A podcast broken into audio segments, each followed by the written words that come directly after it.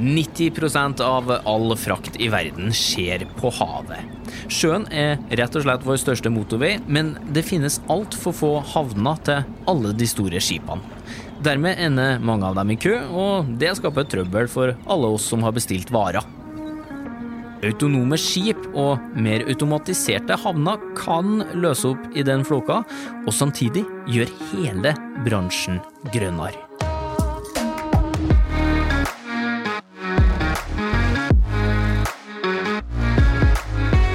Hører podkasten Smart forklart med Aksel Faanes Persson.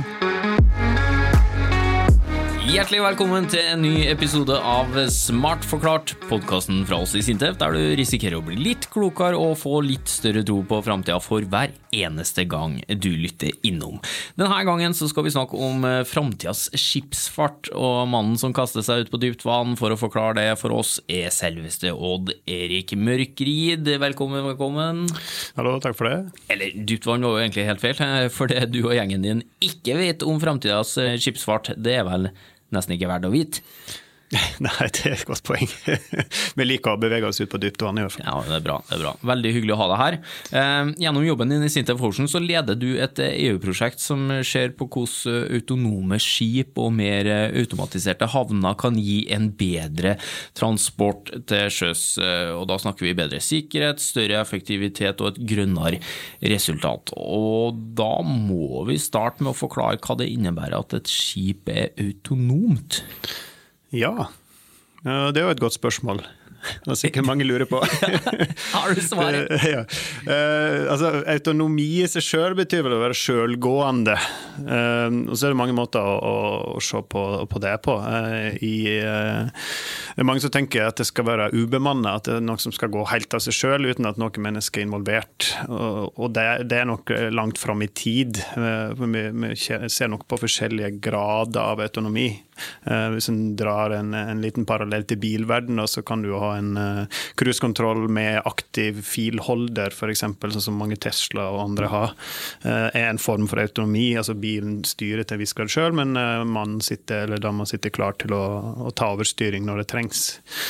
Men altså, at det er autonomt, det betyr egentlig at skipet skal være i stand til å seile sjøl fra, fra A til B. Og i, i godsverdenen, hvis du skal transportere gods, så, så, blir det enda mer komplisert, for da trenger du å eh, kransystemer og håndteringssystemer som skal løfte containere, f.eks. Eh, autonomt, altså av seg sjøl. Mm. Det er mye, mye, vi skal innom for å si sånn i episoden her, men bare for å ta eh, autonome skip først nå, da, hvordan ser du for deg bruken av det? Eh, det kan brukes på, på mange måter, men eh, det, det, som er spesielt eh, forska på, er jo innenfor godstrafikk og kanskje mest containertrafikk. Og, og, der ser en det at det er, det er lite poeng i å, å, begynne å skal bygge en autonomi på de store, store containerskipene som går interkontinentalt og har gjerne en kapasitet på, på 20 000 containere. Altså de som, type den som kjører seg fast i Suez.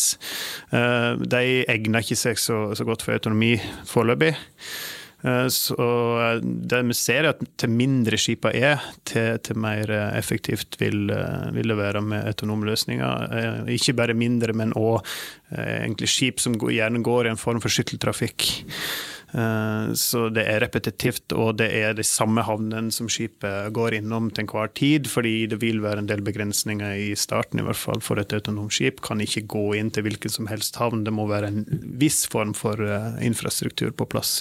Så mm, det vi bl.a. kikker på som et eksempel nå i, her i regionen, det er å, eh, å, innføre det vi kaller datterskip, som er mindre båter. Eh, gjerne med en kapasitet på så lite som 20 containere, som går mellom de mindre havnene inne i Trondheimsfjorden. Eh, og, og frakter containere ut til Hitra, der det er bygd en ny, stor terminal. Så kan det er et større containerskip som går langs norskekysten, som typisk har en kapasitet på rundt 1000 containere, kan da stoppe på, på sånne større terminaler langs hovedfarleden langs kysten og slippe å gå innover i fjorden. Eh, så, så, den kan frakte containere til og fra Rotterdam f.eks. Men du har da mindre autonome skip som går inn i fjorden. Ja. Repetitivt inne i fjorden. Et svært moderskip som går litt fram og tilbake ut på det store, åpne hav og legger seg til langs kysten. Og så små autonome datterskip som som kommer og plukker opp lasten da, og tar det inn i de litt trangere fjordarmene som vi har eh, her i Norge. da. Mm. Ja. Det, hvor smart er et sånt autonomskip? autonomt skip, da? Eh, de eh, må vel eh, være såpass smart at de i, stor grad kjører sjøl. Så det vil si at vi, skal ned på en På de her må vi ned på en ganske låg bemanning. Men vi vil òg ha det vi kaller et fjernstyringssenter, der det vil sitte operatører og til enhver tid følge med på alle disse autonome skipene. Så i, i, prinsippet skal de kunne seile sjøl fra havn til havn, eh, og, og, til og med kunne plukke opp de konteinerne som, som trengs eh, på, på, egen hånd. Men eh, hvis det skulle oppstå et eller annet uforutsett, så vil det sitte operatører til å, å håndtere situasjonen. Som kan koble seg på fra det her fjernstyringssenteret og ta over kontrollen på, på skipet. Men Hvordan funker det der? da? Vil de følge, følge, egne stier på havet, eller er det liksom Hvordan, hvordan får man den Hvem bestemmer hvilke skip som skal bort til moderskipet? Er det et system her? En bestillingsknapp? Hvordan, hvordan funker det? ja, det var jo eh, to, to gode spørsmål, egentlig. Ta, ta det, tre, fire, fem. ja.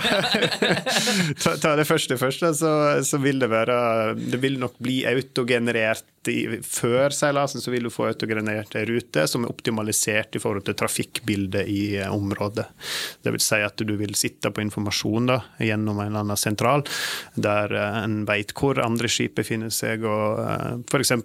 at i dag er det en seilregatta ute på Trondheimsfjorden, så da kan det være lurt å enten vente med å seile eller gå rundt. Så vil skipet i tillegg underveis justere på ruta si, avhengig av værforhold og og trafikk som skulle dukke opp der og da. da. Mm. Så, så, det er litt sånn tosidig sak, det der. Men jeg sa jo at du, du, jobber jo med et prosjekt som prøver å bedre sikkerhet, større effektivitet og et grønnere resultat. og så Ta det siste først der. da, så Hvordan kan det her gjøre eh, verden grønnere? Eh, jo, eh, først og fremst fordi at ved å bruke mindre skip som går eh, med en lavere hastighet, så vil du få ned energiforbruket kraftig. Altså, i, det her containerskipet jeg snakker om som går langs kysten, seiler vanligvis med en 18 knops hastighet. Eh, mens vi ser for oss at disse små skipet som går inn i fjorden, gjerne kan ned på en fem knop. Og, og da snakker du en betydelig Eh, besparelse i eh, energi. Jeg kan ikke kjøre så sakte i dag òg, da? Det kan du, men det vil, det vil, kunne bli ganske kjedelig for mannskapet om bord. Altså fem knop er jo ingenting. Det er Nei, hva er det i kilometer i timen? Ja, det, det, blir vel i underkant av ti kilometer i timen. Ja, det, så du kan tenke deg sjøl hvis du sitter i en bil og kjører så sakte. ja. Jeg skjønner. Ja, ok, så den, den, vi bruker mindre drivstoff, rett og slett. da. Men det er vel også snakk om å flytte noe transport fra, fra vei til sjø her. Ja, og, og da er vi inne på sikkerheten igjen. Ja. Det er et veldig godt poeng, og det er en av hovedformålene med forskningen vår. Det er egentlig det ønsket som både EU og norske politikere har om å få flytte godstrafikk over på sjø og bane. Fordi at en ser at den økningen som er i transport, eh, gjerne skjer langs veiene. Ta et eksempel fra, fra Trondheimsregionen igjen med, med, laksetransport. Så går det typisk 100 eh, vogntog fra Hitra og Frøya inn til fastlandet hvert døgn. Og eh, innen 2050 så har norske myndigheter ambisjoner om å øke havbruksnæringen, altså produksjonen, femgangen. Eh, så da snakker du jo 500 vogntog plutselig.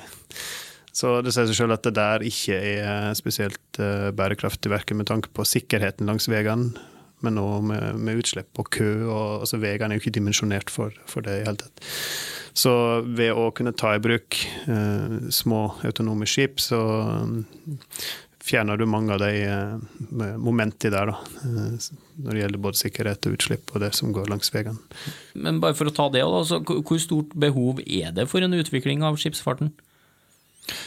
Den er nok eh, ganske, det er ganske stort behov, egentlig. Vi har jo i, eh, tidligere i år, i mars i år, eh, et godt eksempel der Ever Given satte seg fast i Suezkanalen. Og det, det, er altså et containerskip på 400 meter lengde, som har 20 000 containere om bord. Den sto jo fast der i seks dager, og stoppa hele verdenshandelen i praksis.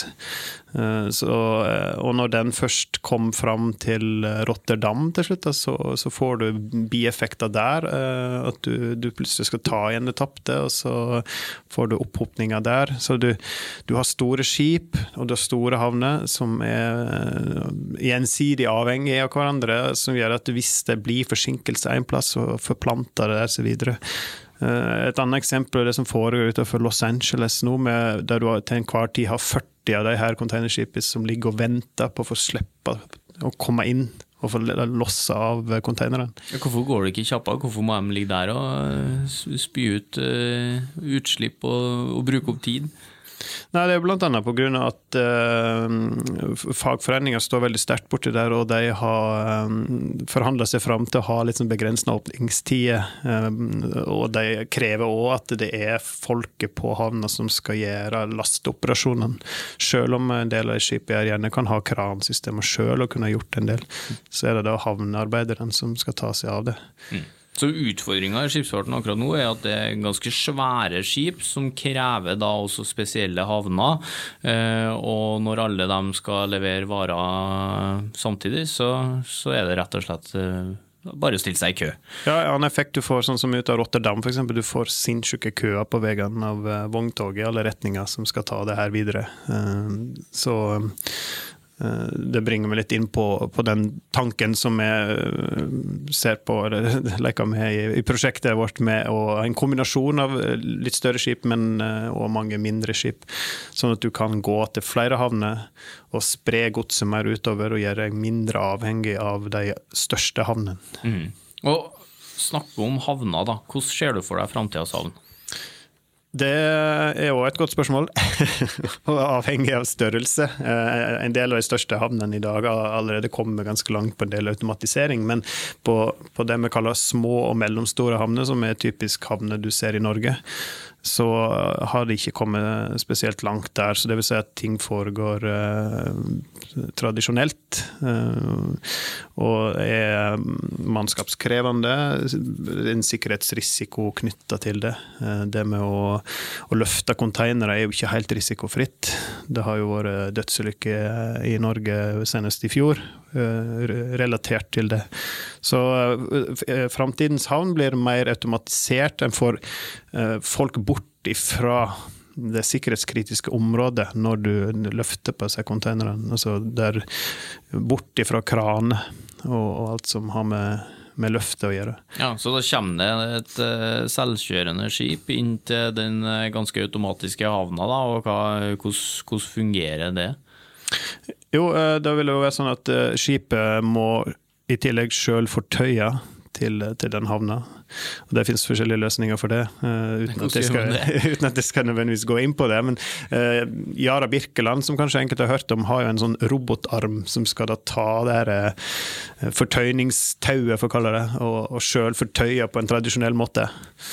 Uh, mens en har andre systemer med en del ferger f.eks. bruker vakuumbaserte løsninger som får skipet til å bare bli sugd fast til havna. på en måte.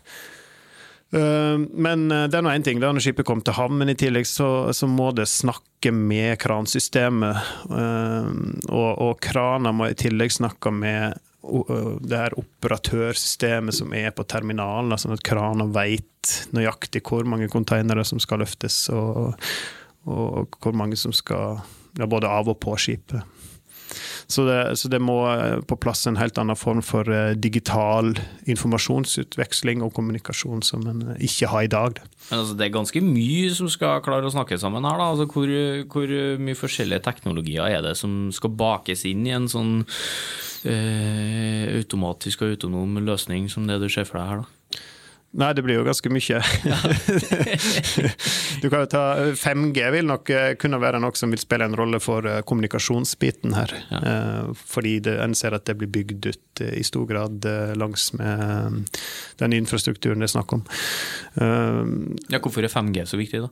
5G har jo en helt annen kapasitet. Og mye mindre altså, du snakker egentlig veldig lite forsinkelse i informasjonsutvekslingen. Sånn at du kan bruke 5G til kamera.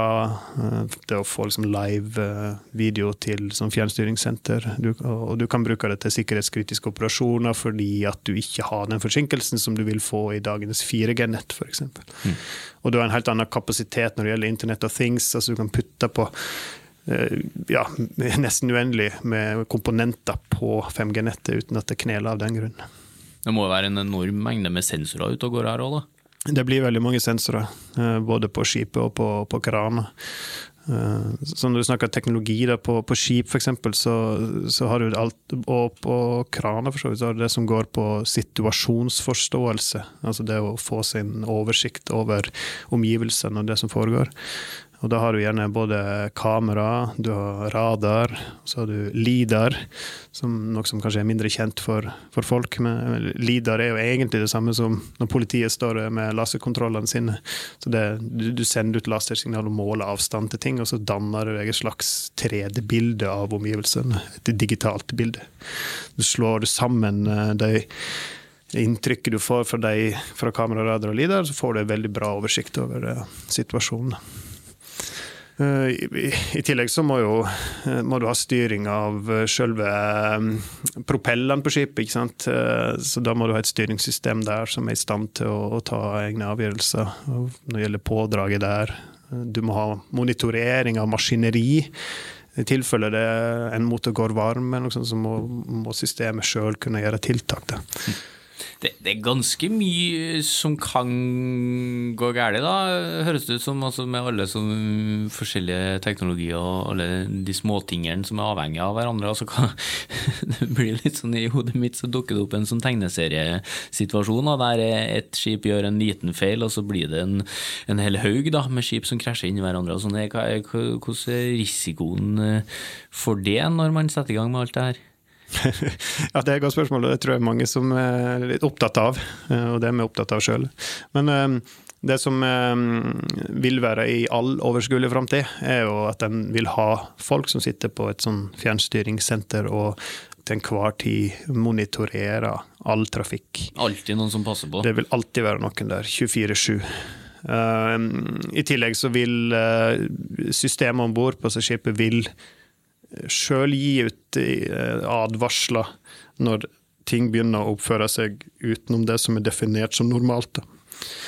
Eh, sånn at en, eh, en, operatør som sitter på land, vil få en advarsel fra skipet om at nå skjer noe rart her. I tillegg så vil jo et skip vil oppføre seg ganske prediktivt, altså du vil vite du vil vite hvordan det oppføres i enhver situasjon. Det vil håndtere alle antikollisjonssituasjoner f.eks. på samme måte. Den vil alltid holde vikeplikten sin, og osv. Så, videre. Eh, så eh, det ser i, i, dag, at rundt 80% av uh, ulykker og nesten-ulykker til sjøs er kobla til menneskelige feil og ofte mangel på å ta en avgjørelse, og avgjørelse tidsnok. Der et um, datastyrt system antageligvis vil gjøre det riktig fortere. Mm. Ja, sånn er det jo med oss mennesker. Vi, vi, gjør ofte feil, men mens vi er innpå menneskesporet her, altså for hva skjer med alle arbeidsplassene som finnes i dag da, på skip og, og i havner, dersom eh, alt blir så autonomt og automatisk etter hvert? da? Ja, det er jo mange som er redd for det, at en skal ta bort arbeidsplasser. Men jeg liker å se litt uh, annerledes på det. Ved å innføre en, en, stor flåte av autonome skip, så vil du uh, i praksis ikke ha nok folk til å drive alle disse skipene. Det er nå én ting. Fordi du, det du snakker om, er å, å, å fjerne vogntog på veiene og så erstatte det med, med flere skip. Så du, du, vil slite med å finne nok kompetente folk til å, til å drive alle. I tillegg så vil det i, i hvert fall i overskuelig fremtid alltid være litt folk om bord. Um, mens en del andre roller vil bli kledd gjennom der fjernstyringssenteret, for du vil alltid måtte ha folk der. Så det er ikke sånn at du bare fjerner folk, men du, du flytter de kanskje heller, da. Som gjør at det kan være mer attraktivt, muligens, å sitte på et landbasert senter enn å være ute på sjøen, spesielt hvis du har familie osv. Eh, I tillegg så vil det jo være sånn at for de større skipene, sånn som det Suez-skipet og, og, det her som seiler langs med kysten, så er ikke autonomi et tema med det første, i hvert fall. Mm. Det vil fortsatt være bruk for eh, folket, rett og slett. Da. Eh, men så høres det jo litt dyrt ut å innføre alle de endringene her. Da. Vil det være dyrt å få det til? Ja, altså klart Hvis du bare skal hoppe rett over på å bytte ut flåten din med autonome skip, så, så vil det bli dyrt. Litt av utfordringen er jo det å være en first mover. Uh, nå har vi jo Yara og Asko som eksempler på sånne first movers, men allikevel teknologien òg er jo til, til dels umoden enda, som gjør at det vil være kostbart. Um, men så er vi jo så heldige da, at vi, samtidig har det grønne skiftet, som gjør at det er stort fokus på å bygge nye skip. De gamle skipene vil ikke bli energieffektive nok og vil spy ut for mye CO2, rett og slett. Så i og med at du allerede må bygge nytt, så kan du jo da bygge sånn at du planlegger for autonomi. sånn at du har muligheten til å bygge på sensor og autonomi etter hvert som skipet blir eldre. Så, så det, det, trenger ikke nødvendigvis å bli så mye dyrere sånn sett. da. Ja. Eh, og så har du det aspektet med eh, Hvis vi går tilbake til de mindre skipene eh, inne i fjorden, som er Datterskipene? Datterskipene, ja. ja. Som er, er, små. Så, så, hvis en sammenligner det med et tradisjonelt skip, så, så, skal de her i stor grad være autonome. Så da trenger du ikke å ha det vi kaller hotellseksjonen. Altså hele den store superstrukturen med bru og lugarer og alt det der. Den kan du i prinsippet ta bort. Du, trenger, du har ikke så stort krav til livbåter osv. Eh, pluss at um, de er såpass små at stålutgiftene ikke blir så enorme heller. Det, det, blir mindre vekt, mindre stål. Og, og, så er tanken at de her må bli så standardiserte at det i praksis nesten går an å gå inn på en nettside og, og bestille seg en. Kontra sånn som det blir gjort i dag, når de er skreddersøm i, i alle bauger. Ja.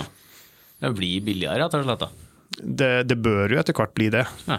Men uh, du var jo litt inn på det. Noen må være sånn som du sa, first movers. altså Noen må være først ut her. Uh, det er jo én utfordring for å komme i mål med, med denne endringa. Men for å få til denne utviklinga, altså, hvilke andre utfordringer har vi? En utfordring er jo det med, med politikk og, og reguleringer. Eh, at, uh, nå, nå, er jo Norge ganske langt framme der. Sjøfartsdirektoratet er veldig framoverlent, f.eks. Uh, men, men allikevel så er alt det sånn klasseregler og, og overordna internasjonale regulativer er jo veldig tradisjonelle. Og, og IMO, som liksom lager de internasjonale reguleringene, de, de er jo litt trauste, for å si det sånn. Det håper de ikke hører på. Eller jo, kanskje de bør det. Ja. så ting tar tid, da, er det du sier? Eh, ting tar litt tid. Um, litt av utfordringen er jo at et skip kan være godkjent autonomt i Norge, men skal det f.eks. bevege seg eh, Det vil jo være litt fram i tid men skal det bevege seg til uh, Nederland f.eks., så er det ikke sikkert de er like langt framme, så i verste fall så får ikke det autonome skipet gå til, til kai der. Men hvor, hvor, viktig tror du skipsfarten kommer til å være i framtida? Den blir uh, veldig viktig, uh, og har alltid vært det, egentlig. Uh, 70% av kloden er jo dekket av vann, så hvorfor en ikke skal utnytte det i større grad enn en, en gjør, det er jo et, et spørsmål. I, I, Europa så har en jo sett en utvikling at det blir mer og mer veibasert transport.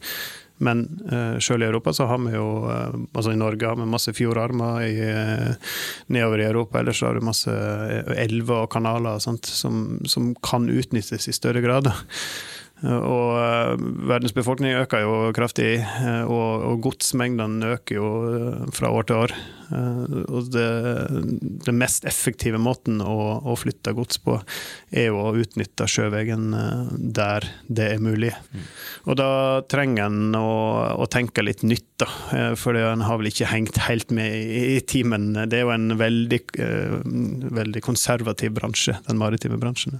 Men nå har jo du gitt oss litt uh, innsikt her, da, hva som kanskje kommer om uh, noen år. og da er jo spørsmålet altså, Når får vi se det her?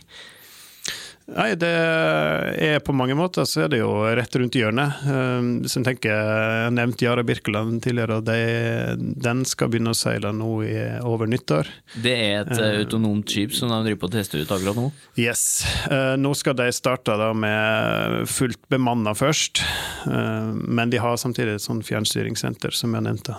Så de skal teste med det først, og, og la skipet gå mer eller mindre autonomt, men du har folk om bord. Og så reduserer de mannskapet etter hvert, og i 2024 har de ambisjoner om å kunne la skipet gå av seg sjøl. Uh, inkludert uh, det å løfte konteinere av og på skipet. Mm. Men det er jo ett skip, da. Når får vi se de datter- og, og mødreskipene dine som du snakker om nå? Nei, det, det, handler jo litt om uh, investeringsvilje og finne noen som har trua på, på konseptet, men har, det finnes redere som driver og begynner å tenke i de baner. Mm. Så jeg, jeg, tror nok det er, ikke, det er ikke mange år før det her kan være noe som en ser ute på fjorden. Altså i løpet av 2020-årene, eller må vi over på 30-tallet? Jeg tror når det har kommet til, til 2030, så har, har, mye skjedd. Altså, jeg tror neste, de neste ti åra blir veldig spennende innenfor det feltet her. Det blir, blir artig å følge med på, på det her, da. Odd Erik, takk for at du tok turen innom Smart forklart. Mange takk for å invitere meg hit. Vi inviterer deg gjerne tilbake når, uh, før det har gått ti år, tenker jeg. og hvis du som uh, hører på nå syns at uh, det forskerne våre i Sintef driver på med er interessant, så har du mulighet til å få mer snadder fra oss. Du finner alltid oppdatert stoff på sintef.no, gemini.no, Sintef-bloggen og på kanalene våre på Facebook, LinkedIn og Instagram. Og følger du alt det der, ja, da får du hele tida oppdateringer på rykende ferskt stoff fra oss. Mer innhold fra Smart forklart, eh, også på VTD. Og i ventetida fram til neste episode vil forskerne i Sintef fortsette å utvikle teknologi for et bedre samfunn.